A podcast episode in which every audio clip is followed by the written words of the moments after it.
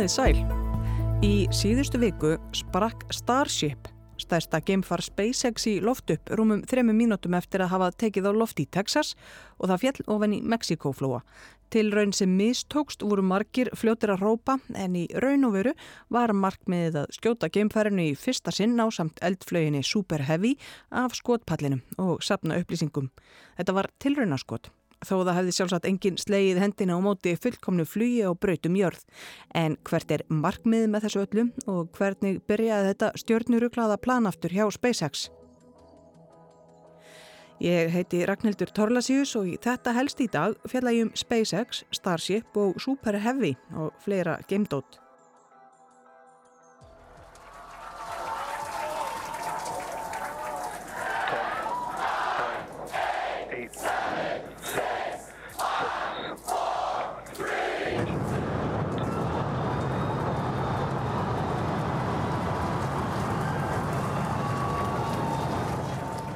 Hér er talið niður í skot Starship sem við getum kallað stjörnuflei á fymtudaginn. Þetta eru starfsmenn SpaceX sem fylgjast svona æstir með tilhörnaskotinu. Ég veit ekki með ykkur en ég hef aldrei hitt svona hávera verkfræðinga en það er annars saga. Þeir og aðrir áhorfundur fylgdust spendir með super heavy eldflöginni lifta Starship geimferðin og loft. Björtustu vonir voru þær að allar 33 vélar Super Heavy lyftu gemferinu af skotpallinum í Texas og eftir um það byl þryggja mínuna klefur myndi gemfariði losa sig við eldflöginna sem fjalli í Mexikóflóa. Kveikna myndi á vélum geimfarsins sem síðan myndi fljúa í um það byl klukkustund og dundrast svo niður einhver staðar yfir Kirahafinu. En það fór ekki svo, nánarum það síðar. Elon Musk Stopnandi SpaceX er fættur í Suður Afríku. Sónur er also May Musk. Fadir hans verkfræðingur hefur vasast í ímsugi gegnum tíðina, verið í stjórnmálum, átt gimsteinanámu, flóið, stúsast í verktakamálum og eignast sjö börn. Móðir hans er kanadísk, næringafræðingur og módel. Hún á ekki nema þrjú börn. Elon Musk flutti til Kanada þegar hann var átjónara, fekk þar ríkisborgarar rétt vegna móður sinnar. Hann hafði byrjaði í háskóla í Pretoríu í Suður Afríku en hægt, svo gekk hann í skóla í Kanada í tvö ára en flutti þá til Bandaríkina og útskrifaðast úr háskólanum í Pennsylvania með gráðu í hagfræðu og eðlisfræði. Því næst flutti hann til Kaliforníu og til stóða hefja námið Stanford háskóla sem að hafði samþygt umsókn hans en netið var komið á fulla ferða þessum tíma og Musk ákvaða að hella sér út í viðskipti á netinu. Hann stopnaði netfyrirtæki á samt bróður sínum með fjármagni frá föður þeirra. Þeir seldu svo fyrirtækið og boltinn fór að rúla. Musk stopnaði annað fyrirtæki og seldi, stopnaði annað fyrirtæki og seldi, stopnaði svo Paypal og seldi eBay árið 2002 og það var þá sem hann stopnaði SpaceX. Grípum niður í lestinni frá 2016 þá var það markmið Musks að fyrstu mönnuðu geimfurinn flýju til Mars innan 8 ára. Síðan eru liðin 7 ár en einhverju verða að láta sér dreyma og framkvæma annars gerist ekki neitt. En Kristján Lár Róbjertsson hann sagði frá markmiðum SpaceX í lestinni, SpaceX eða Musk sjálfs því markmiði að mannkinnið er því dýrategund sem livði á fleiri en einni plánitu. Því að hann sér það fyrir sér að, að það sem munir drepa okkur að gera okkur útdauð að það, það, hann talar um það sem að svona, ég veit ekki hvernig best að segja í íslensku en það er svona extinction event svona eins og gerði, hefur gerst í, í sögujarðar reglulega. Já, kemur bara svona útrymmingar uh, viðbörður eða eitthvað útrymminga á sér stað. Já, þú veist, eins og bara hérna reysalnar, þá kom einhver lofstein eitthvað og þá bara dó allar reysalnar út Já. og þetta hefur gerst nokkur sinnum á, þú veist, tíma, tímaskeiða jarðar og hann segir að það sé bara tímaspörsmál hvernig næsta kemur. Og þegar það gerist þá er mjög mikilvægt að við munum búa á fleirin einni plánetu. Það sé besta leginn fyrir okkur til þess að eiga sens og að ég verða áfram til sem tegund. Og þetta fyrirtæki SpaceX gengur út á það bara að þróa tækni og þróa sko, game, gameför og gamekönnunar tækni á þann hátt að sé sko, kostnærlega mögulegt að fara til Mars og hann, það er markmað hans og hann var að kynna í gær á, hérna, á stórum viðböru var hann að kynna planið fyrir hvernig þeir ætla að fara til Mars og var að fara yfir mjög tæknilega hluti að einhverju leiti, þú veist hvað, hvað kostar í dag og hvað kostnærum þarf að vera. Hann vil meina, þú, þú veist markmað hans er að ná kostnærum á því að fara til Mars, one way ticket verði svona 25 miljónir og hugmyndin 20.000 dólarar, nei 200.000 dólarar. Og hérna, hann vill bara fólk sem vill bara venjuleg maður eða venjuleg kona sem vill flytja til Mars á að geta sapna sér fyrir því á æfinni. En hvernig er að búa á Mars? Ég meina, hva, þú segir one way ticket, er planið bara að þú kemur ekki tilbaka? Þú ert þarna bara að flytja þú, en er þetta lífa á Mars? Ekki akkurat núna, en það er veist, stór hluti af planinu er að byggja borg þar sem að mun síðan byrja að uh, breyta Mars í plánundis þar sem það hægt að búa. Þannig fyrst fer líð á hans vegum og, og já, undirbýr aðstæður? Já, uh, alveg potið sko og byrjar að byggja og hann er með sko plöðunum hvernig til dæmis uh, stöðin sem að verður þar mun geta framleitt hérna eldflögu eldsneiti til þess að senda fólk aftur tilbaka eða senda skipin aftur tilbaka en það sem skiptir mjög mjög máli til þetta virki er að geimflöðunar séu margnótar margnóta af því að það sem er það dýrasta eitt af því dýrasta við geimferir er að uh, alla græðunar eru einnóta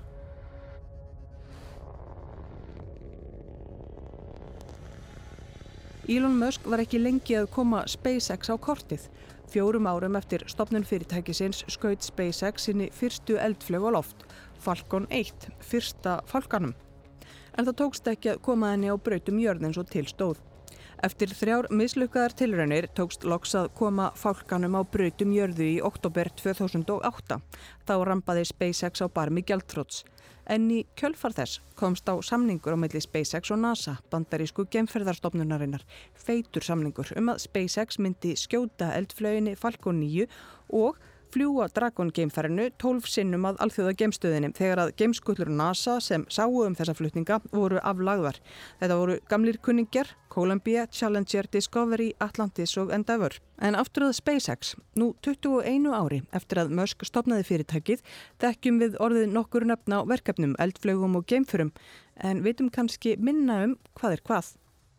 3, 2, 1 Liftoff of the Falcon 9. Falcon 9 er eldflög að hluta endur nýtanleg eða fjölnóta eldflög er kannski réttar að segja. Hún er samsett og það er hægt að lenda hluta hennar aftur á jörðu og endur nýta dýrustu hluta hennar. Þannig er hægt að halda niður í kostnæði. Á toppi eldflögarinnar er í raun farangursrýmið þar sem að gerfinnettir til að mynda eru ferriðar á brautum jörðu. Eða farþegarrýmið Geimfarið Dragon dregin sem getur bórið sjömanns og varning að auki. Það rámar sjálfsagt marga í það þegar að rauðum Tesla sportbíl var skotið á loft árið 2018. Í farþegarsætunum var Gína í geimbúningi kölluð Starman. Þetta var gert með fyrsta flugi Falcon Heavy flögarinnar. Hún er sett saman úr þremur Falcon 9 flögum ef að svo má segja svona til einföldunar. Hún er því mun kraftmeri og getur lift 64 tónnum á brautumjörðu á meðan Falcon 9 getur lift 23 tónnum. Það munar að minna ef að fólk eru að hugsa um að flytja út í geim.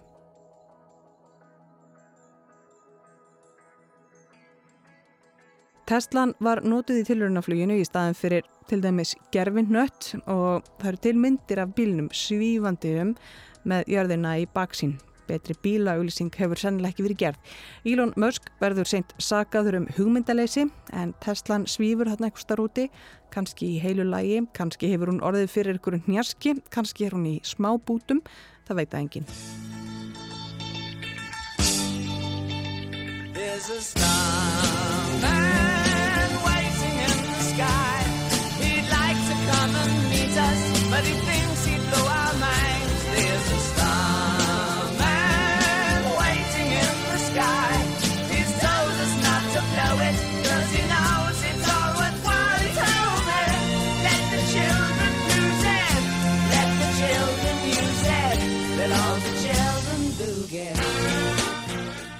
Hugum aftur að rekanum Dragon geimfærinu sjálfu því sem Falkonflögin skýtur á loft því að í mæ 2020 verðu mikil tíðandi.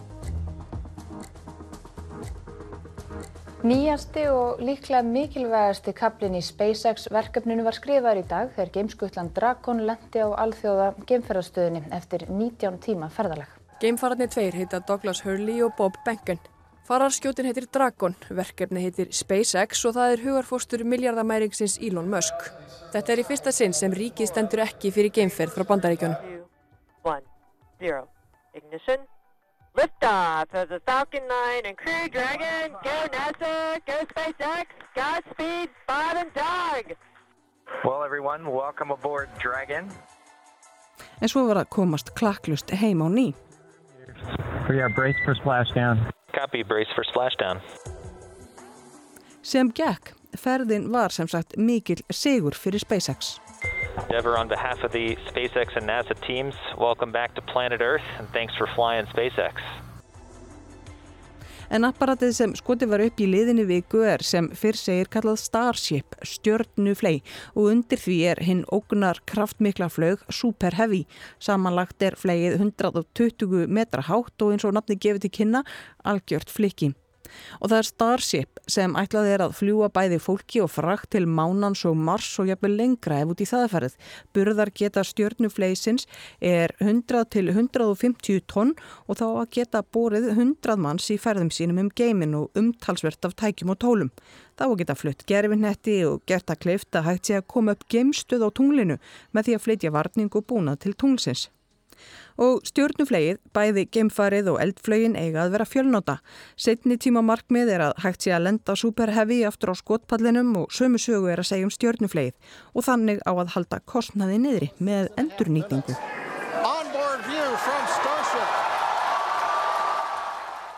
Það var svo sem ekki markmiði núna sem fyrr segir var markmiði fyrst og fremst að koma greipnum af skotpallinum, sjá hvernig hann letaði stjórn, sapna upplýsingum og láta fljúa eins lengi út Rusland drægi. Allt annað var bónus. Right now it looks like we saw the start of the flip, but obviously we're seeing from the ground cameras the entire Starship stack continuing to rotate. We should have had separation by now. Obviously this is, uh, does not appear to be a nominal situation. Yeah, it does appear to be spinning, but I do want to remind everyone that everything after clearing the tower was icing on the cake.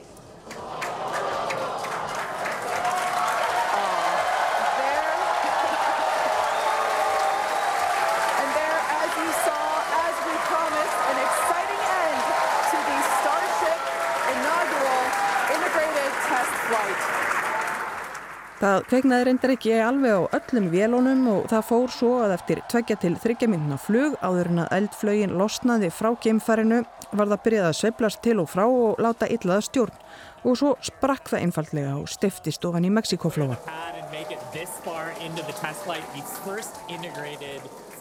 En þó að geimfærið hafi sprungið er ekki þar með sagt að draumurinn hafi gert það Elon Musk stefnir að næsta tilraunaflugi eftir örfáa mánuði. Skotpallirun er að vísu verulega illa farin eftir Super Heavy en ef engir væri draumóramennir og framkvæmdamennir þá myndi lítið gerast. Ég heiti Ragnhildur Torlasíus og í þetta helst í dag fjallaði um SpaceX, Elon Musk og stjörnuflei hans og drauminum Mars. Hægt er að hlusta á þetta helst í spilara rúfa og öllum helstu hlaðvarpsveitum. Takk fyrir að hlusta. Verðið sæl.